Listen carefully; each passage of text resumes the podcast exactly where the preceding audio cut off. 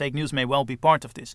It's the moment you, you no longer realize that you've created this picture yourself. And so if Donald Trump says this is reality and he begins hacking the wall, I mean, then we're all in for all kinds of trouble. You heard Timotheus Vermeulen, and my name is uh, Arne Krumsvik.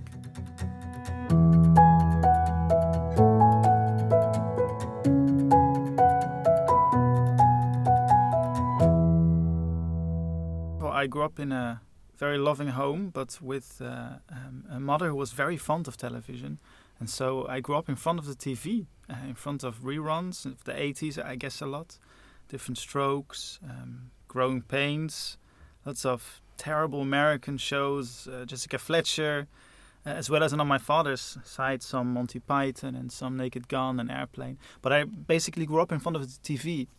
So much so that when I went to study, I quit watching TV. I didn't buy a TV. I went and mostly read and studied history. And then a few years later, I guess, I don't know, the TV was so much a part of my body or ingrained in me that I slowly but surely uh, moved back from cultural history, which I was studying at the time, and then via art philosophy, um, went back when I got a, a, stipend to study in the UK.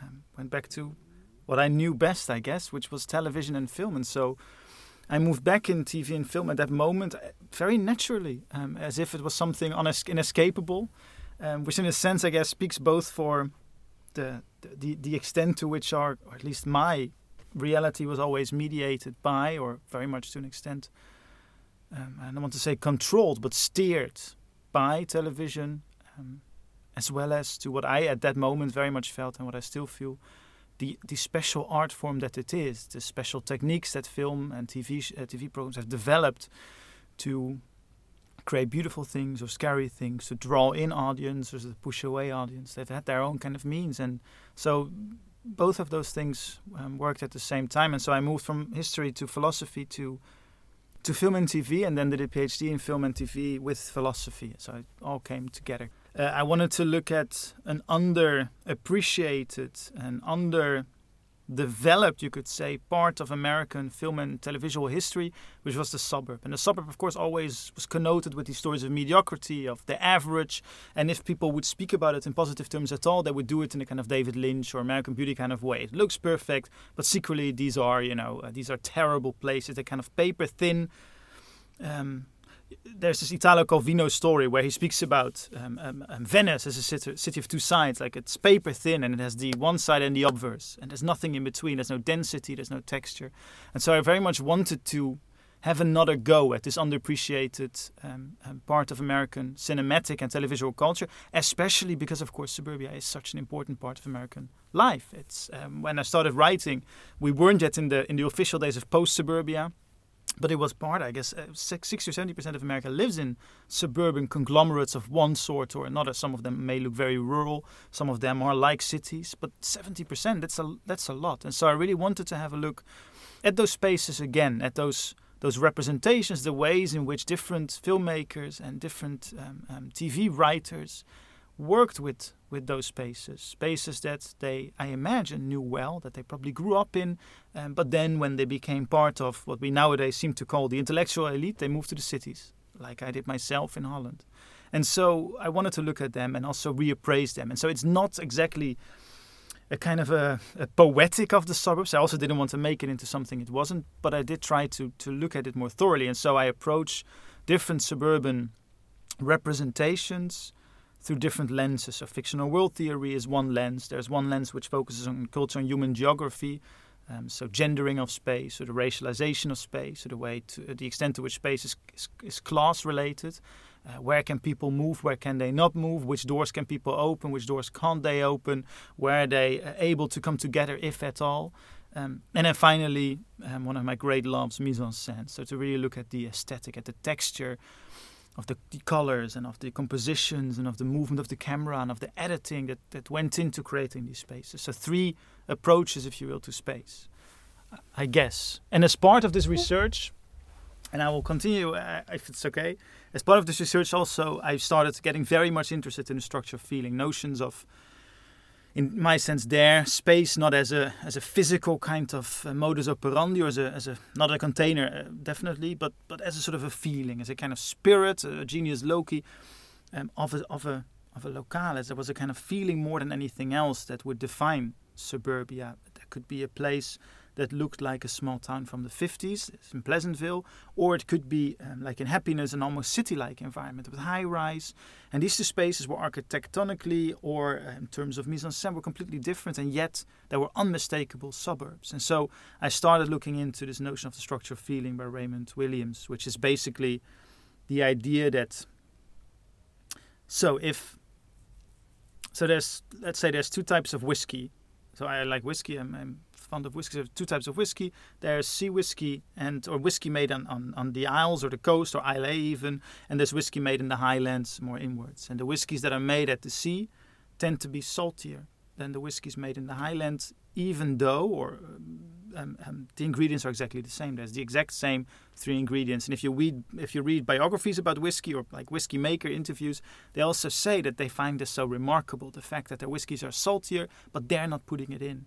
And so it must be something in the air. Somewhere in the air of these spaces there is salt which seeps into these whiskey crates, which seeps into the into the alcohol.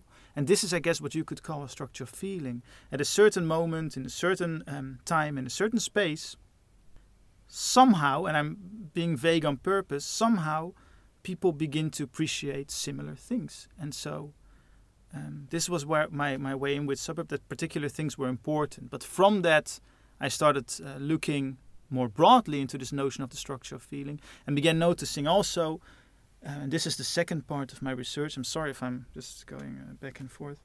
Um, that that we were changing whiskey, uh, uh if you will, from the 90s to the 2000s.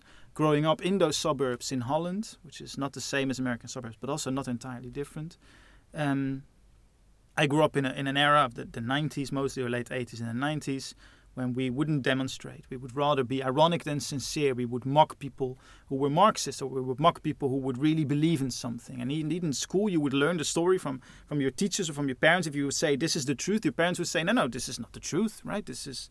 It's your opinion, right? And maybe someone else has a different opinion. So, this kind of iron, ironic stance towards everything, and in popular culture, you see it with Nirvana, who say everything is, is terrible, or with Radiohead, who say everything is lost.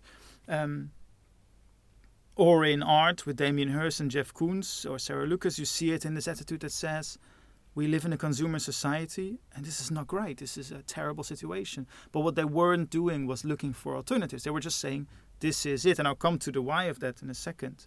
So I grew up very much in the spirit of irony. And then suddenly in the 2000s, late 90s, early 2000s, um, I, as well as others, started noticing that this this whiskey, this kind of, of atmosphere was changing, and suddenly people were speaking of the new sincerity in literature or new romanticism in the arts, um, quirky in film, um, yeah, freak folk, uh, very much freak folk in uh, in music at that moment, and so different kinds of, that weren't ironic, but that tried somehow to make sense and to give meaning and to care for the world from which they were part. And so I guess the teenagers wouldn't laugh anymore at someone who said I'm a Marxist, or they wouldn't laugh anymore. Someone who said I believe in something, uh, they would take it at least to some extent serious, or would force themselves to take it serious. And so this was the starting point in terms of this whiskey, in terms of structure. Thing to think about a second part of my research, uh, which I and others, I have to say others because I'm definitely not alone, have come to call uh, metamodernism. So. Um, in a nutshell, so metamodernism is not my term. It's been in existence since at least the 70s. I imagine much earlier, in the same way that postmodernism was not invented by Lyotard or Charles Jencks, but was already invented by a student of Nietzsche way, way back. I think we use it in our own distinct way, but the term is definitely not ours. So, metamodernism is the term to describe this transition, you could say, from irony to a kind of sincerity a kind of, of wanting, a kind of des- desperate attempt almost to connect with the world around you. So if irony is distancing yourself, speaking with two tongues, have one tongue, ridicule the other tongue, then the sincerity is a different kind of beast. Um, the parable I've, I've used before uh, and that I can use again is, is, I guess, this. And this is the parable of postmodernism, of those 90s I'm talking about, as a kind of an end stage. So throughout history, depending, of course, on how you see history. But throughout history, there's this notion that there is a, what Hegel called a dialectic, what other people may have just called a progression, but the sense that there's a development of humankind. And we stand here now, they say, but at that moment in that time, we will stand at the final kind of, of um, I'm say I want to say solution, and maybe that's also the best way because there is a nastiness to this. So we, we end somewhere in a perfect state. And for Hegel, this was Napoleon on his horse in Jena. Napoleon as a young boy saw Napoleon ride in as the, the figurehead of the French Revolution, the aftermath of the of the Enlightenment, and he thought this is it. It can't get any better. In theory, we've reached the sort of the summum of, of how good life on earth can be. Of course, he was, you know, mistaken. The French Revolution um, um, more or less ended with Saint-Just and Robespierre chopping off all those heads. But the same sense was also there in Marx's work, of course, it put Hegel back onto his feet. And Marx has the same idea that in the end we will have some kind of perfect situation. And just like with Hegel, he also believed it would be reached in his time.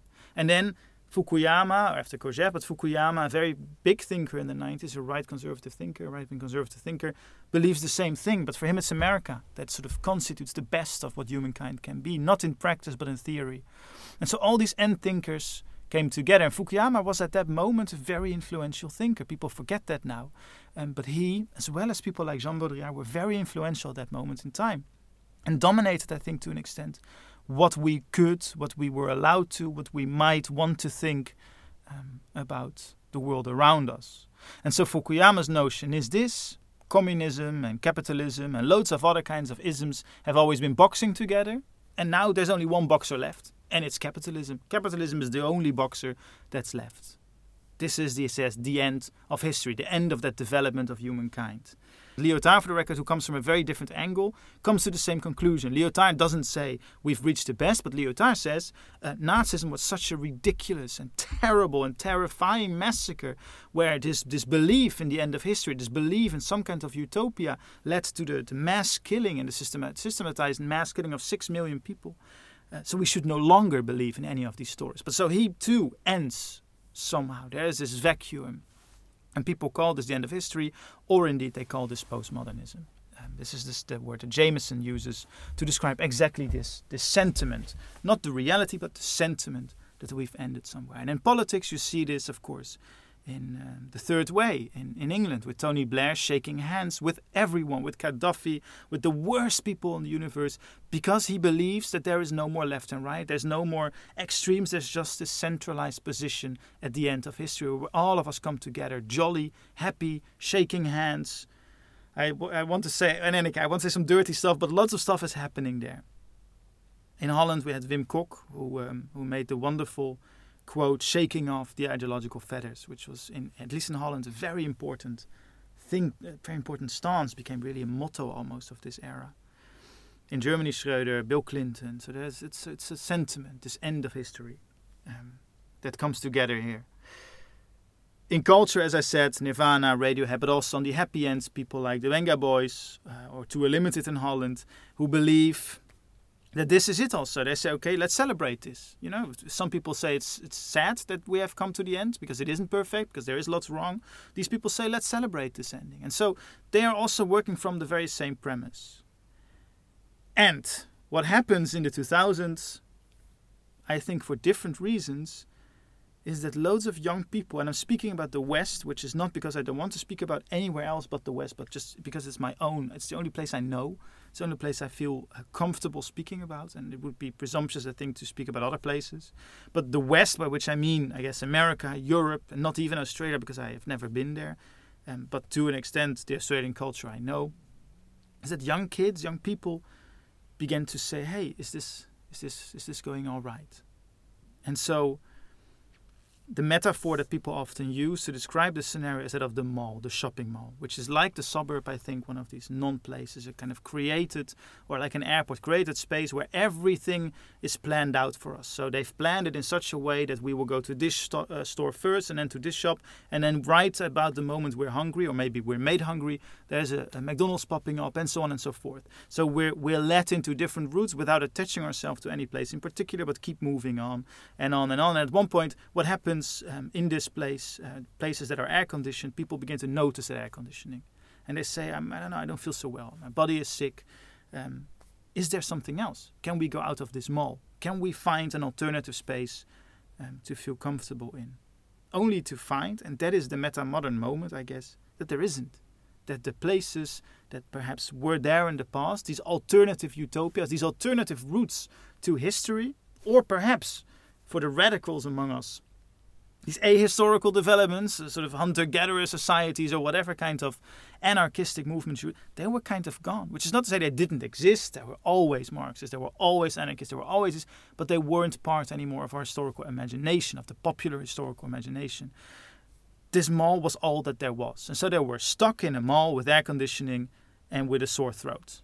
And so people begin to think, begin to imagine what the outside may look. And this is, for me, the important moment of the 2000s, and what I and others have described as metamodernism is this this desire, but it is not a it's not a happy desire. It's also kind of a desperate desire to look for an outside, to find alternative ways, perhaps, of structuring the inside by referring once again to an imagined outside. Not an outside that they know, because my generation has never been outside of the mall. The mall is all I know of. I wouldn't know what to do outside of the mall. But to imagine the scenario of what might be outside and to direct yourself in relationship not to the realities of the inside, but to redirect yourself in relationship um, to the outside. And this was, I think, initially a kind of a longing. Foster Wallace says um, in one of his essays, David Foster Wallace, the now I think hipster writer, but uh, you know, difficult novelist, very perceptive essayist, um, who says something along the lines of, "What do you do when the patient has been diagnosed? Do you keep this patient in his bed, or do you try to keep him on his feet? The patient will never get better, but will you keep diagnosing him in his bed, or will you say, let's try and get you up, knowing that the patient stays sick?" And I think this is an interesting kind of generational desire that pops up, and then the financial crisis makes this a very urgent desire, I think. And I think then that things like social media, locative media, make it possible to act upon or consider alternative possibilities of acting upon this. So to give to give an idea of the kind of culture I'm thinking of, I'm thinking politically, I'm thinking of very frightening developments, a disintegration of the political center, right? So if, if in the 90s people would step towards one another um, um, and to shake each other's hands, to be able to touch each other and shake each other's hands and come to this compromise. What we see nowadays is that people uh, stay and I think even go further back into their trenches and they throw stuff at each other, but they're no longer meeting in the middle. And so in Holland we call this a politics of exchange, which seems like a, a nice a nice term for it because this is what happens. They say, "I'll give you this if you throw back that." But the politics themselves stay radical. No one is giving in an inch. And so you get these really weird political concoctions where at the same time um, there can be a policy that says we are in favor of the environment and a policy that says, uh, I don't know, we're taxing. Uh, or we're not we're no longer taxing diesel cars because one party got this and the other and so you get a kind of schizophrenic this backward movement of not being wanted to be cut out and i think the, the right is on it but the left is no better to me personally uh, in this sense because they're doing the same kind of thing. It's no not wanting to be cut out, and so you so entrench. You, you see the Brexit and Trump and yeah. everything like this in the same. Uh... Yeah, Bre uh, for me, Obama, Brexit, Trump, Corbyn, Bernie Sanders, uh, Geert Wilders. Uh, I mean, there's plenty other right wing. Um, if I can call them crazies on, on this podcast, but I'd love to call them crazies or fascists that for me they're all part of the same kind of game which is this disintegration of the political center this this trying to empty out to move back from this end of history position and all of them in look in search for some kind of alternative. And i think because of this vacuum, because it's no longer possible for us to create a coherent or to have or to have access to a coherent outside, that is to say, also in this sense, a coherent ideological alternative, they're not really ideological in the sense that perhaps um, um, parties would be ideological in the 60s, even, right? Because they are sort of, it's a pick and mix. Like you go to a candy store, you pick and mix. And for Donald Trump, what is so frightening about this dude, and also about Geert Wilders, but I think also what makes them so successful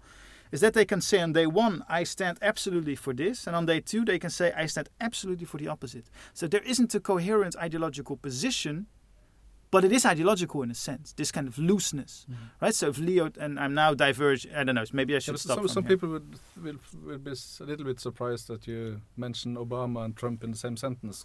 Could you elaborate on that? Yes, because I think Obama also reinstated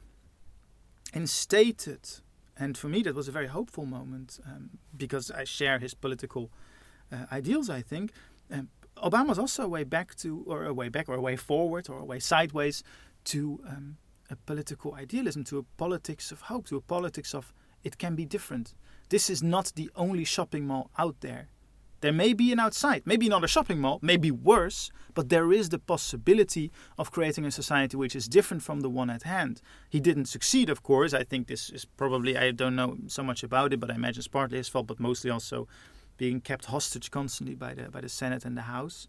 But for me, this sense of, of hope, eh, I don't know what his slogan was anymore, um, something with change. A change. Yes, we can. Yes, we can. Hey, yes, we can. I mean, this just goes to show right? Yes, we can is something very different from uh, just do it, right? Yes, we can says we can go somewhere. Just do it says this is it. Do what you want to do, right? This is the kind of hedonistic kind of stuff. And so this, for me, was a very different sentiment. Donald Trump has the same kind of sentiment. He also believes in something else. It's a, it's a, it's an else that I think is the most frightening thing on earth. But it is also a very similar movement in that he's no longer occupying that center, but willfully is moving away from that center. Um, whatever their obvious differences may be. And so for me, they're, they're surprisingly, um, they come, I guess, from the same shopping mall. That's what I'm trying to say. They come from the same shopping mall, and both of them, in very different ways, using very different tactics to very different ends, are trying to find a way out of the shopping mall or trying to imagine a way out of the shopping mm-hmm. mall. I don't know if they're actually trying to hack through the walls. Um, I think Obama certainly wasn't. I think he was trying to reorder the inside of the mall by pretending there was an outside. I think Trump, and this is the danger, of course, may well, without having an idea of what lies outside, be hacking through the wall. Yeah. Is that where nationalism comes in? I mean, of course. So I have to put a big disclaimer in here, right? So I'm I am a a, a cultural theorist or cultural philosopher at best uh, in this scenario, and otherwise I'm someone who studies media and, and art forms and so I can only answer that question in as far as I can see it returned in the sort of the mediation and the cultural sphere. Uh, yes, I would say yes. This is where nationalism comes in, right? Nationalism to me here also seems very much one of these alternatives, one of these uh, outsides that in the mall we no longer had access to, that were forbidden for better and for worse. I guess now often it looks for better but that were, were, were hidden from sight, right? The doors were barricaded. There's no windows in these malls because we said, hey, look what nationalism gave to us. All this terrible stuff, all these killings, whether it was the nationalism of, of the Germans or, you know, Mussolini, there's all, it was never a good thing to believe fully in this, right? What Leo Lyotard calls the white terror of truth. And so I think nationalism was banned. And I think this is one of the least creative but very popular uh, alternative models that is being being offered at the moment. I mean, I think we live in a time where so many there isn't one model offered more uh, than there's so many models offered, so many images of the outside being projected on the walls of the mall, and I think people are imagining, and that's the dangerous or the, the tricky part. And for me, the meta modern sensibility would also still be this moment where people say, okay, we know that this is not real. We know that this is an illusion. We know that this is something we're making up in order to put ourselves into that direction. And I think what's happening now, and this is, would become, I think for me, a very modern kind of modern, uh, something else at least than meta modern. It's the excess of meta modernism, but it's something else. Is that people have forgotten that this is an illusion. And then we are back, of course, in the 1930s, right? So fake news may well be part of this. It's the moment you, you no longer realize that you've created this picture yourself and so if Donald Trump says this is reality and he begins hacking the wall, I mean, then we're all in for all kinds of trouble. Um, but but that is, I guess, the excess. So yes, nationalism for me comes. I mean, you see it right in the early 2000s in the arts, and I don't want to say that the arts are necessarily a kind of a, like a sensitivity that is beyond or that feels stuff earlier. But there is in the arts from the early 2000s a real return to nationalism and to kind of fascist forms, but often in a knowing way and often to play with and show that we can think beyond democracy. Democracy is not the only thing we have in store. Uh, but then now it's just taken an entirely different turn. I think it's interesting to see the generation gap both in UK and in the United States when it comes to Brexit and Trump, and the young people are not really cheering for this turn. Mm. So how, how do you see their their interpretation of reality or that's a good question. I mean, I've really been thinking about this or trying to think about it a lot. And last year I was doing um, I was uh, uh, um, doing. Uh, I was invited to be the how do you say it the visiting scholar for a festival on theater and dance in Holland Spring Festival. It's a lovely festival. And I did some workshops there with young theater makers who were obviously all left wing, right? This is kind of a cliche, but they were all left wing. And I don't think that they are so different. I think Brexit is true, was very much something that came from a particular generation of people. Um, but at the, at the same time, um, things like um, students from some union banning Germaine Greer because she said something that they didn't agree with is that's that's my generation or the generation that I'm now teaching. That's so that's a different generation that's doing that. So I think this this kind of simplifying or of, of creating alternative spaces based on a predisposed image you've created of it is not unique to the generation above me, I think. I think it may um, turn out in different ways, and again, strategies may differ, but I don't think it's so different. There's this I know I wrote this piece a while back. There's this um, little book in Italy that came out by Alessandro Baricco. It's called The Barbarians. And if you know, Barbarians really, it's a wonderful, it's a lovely little book. He's actually a novelist. He created this little book of essays, The Barbarians. And in this book, he, he distinguishes between two modes, two models of engaging with the world. The first one for him is the model that he associated with the diver. So the diver goes on to sea on a little boat and then he sees a treasure down there or something, and he sticks to this one point and he dives all the way into the depth, right? So this is also for him the person who reads Proust or James Joyce, who dives into something but sticks to that point. This, of course, is also the dangerous, uh, uh, fanatical utopianist uh, or Nazist or communist who believes that at all costs, uh, no matter who has to die, something has to be reached. So you pick a point and you stick to the point and you go into depth. And he contrasted with what for him at that moment is the other model, which is that of the surfer. And the surfer for him is a very different kind of figure because a surfer tries very hard not to fall into the water, not to be stuck to one point, but indeed follow the waves, or I don't know, like the how this works. I've never surfed, but try to keep moving. It's a constant moving. It's a constant trying to this is the person with no attention span, he says. This is the interneter for him. And of course, he's not very happy with this. Um, he's a bit older. But so this is the distinction he makes. And it's a very similar distinction to the one Jameson makes when he speaks about um, modern or realist literature um, and then postmodernism. So it's a diff- similar ga- engagement. And I was thinking that perhaps we see now the emergence of, um, and this is uh, silly, but I'm hoping not entirely. Um, uh, not entirely ridiculous, is the figure of the snorkeler right? And I've always snorkeled because it's the only thing I can do. Um, but so the snorkeler understands that there is depth, um, and yet has to move with the current. Is floating with the currents and cannot also reach that depth. So he stays at the at the surface somehow, right? And maybe he can go a bit down, but he can't reach that treasure. That's beyond the snorkeler. So the snorkeler is at once aware of the fact that there is an above and he is also aware of depth, but not as an experiential reality, because his body will, will never experience that depth unless he's dead. Uh, and by that point, by my knowledge, he's no longer experiences this. So he can see it. It becomes a kind of a performative possibility, this depth. Um, and I guess what we're seeing now is a lot of this. It's this kind of many people are snorkeling right now, I, because I do think the surfer doesn't want to engage with what lies be beneath him. And I think many people now on the internet, whatever their political affiliations, if they're right wing or left wing, they want to engage. And I think many young people also want to engage. And they're engaging from the position of the snorkeler. But what I think is happening, and this is also really something I feel is happening with some of the left, uh, sadly, is that they are imagining, they're forgetting that they're snorkeling. And so they begin to dive again. And so you create these really weird situations where people are banned on the basis of something small. I mean, it's not like this, you know, it's not Adolf Hitler, it's Germaine Greer, right? I think there, there's something here which is a very weird kind of, of slippery slope. Um, I'm not against safe spaces. I think it's perfectly fine to create safe spaces, but this seems to me a weird kind of pure purism. And Corbyn and Bernie Sanders and many of their supporters have the same kind of purism. If the right is beyond shame, then the left, I think, is is all about that. It's all about being super pure. And so the left, the, the right no longer wants to come to the middle to shake hands, and the left no longer can come to the middle to shake hands because the one person that does it is sort of castigated as a compromiser, right? And no one today wants to be called a compromiser.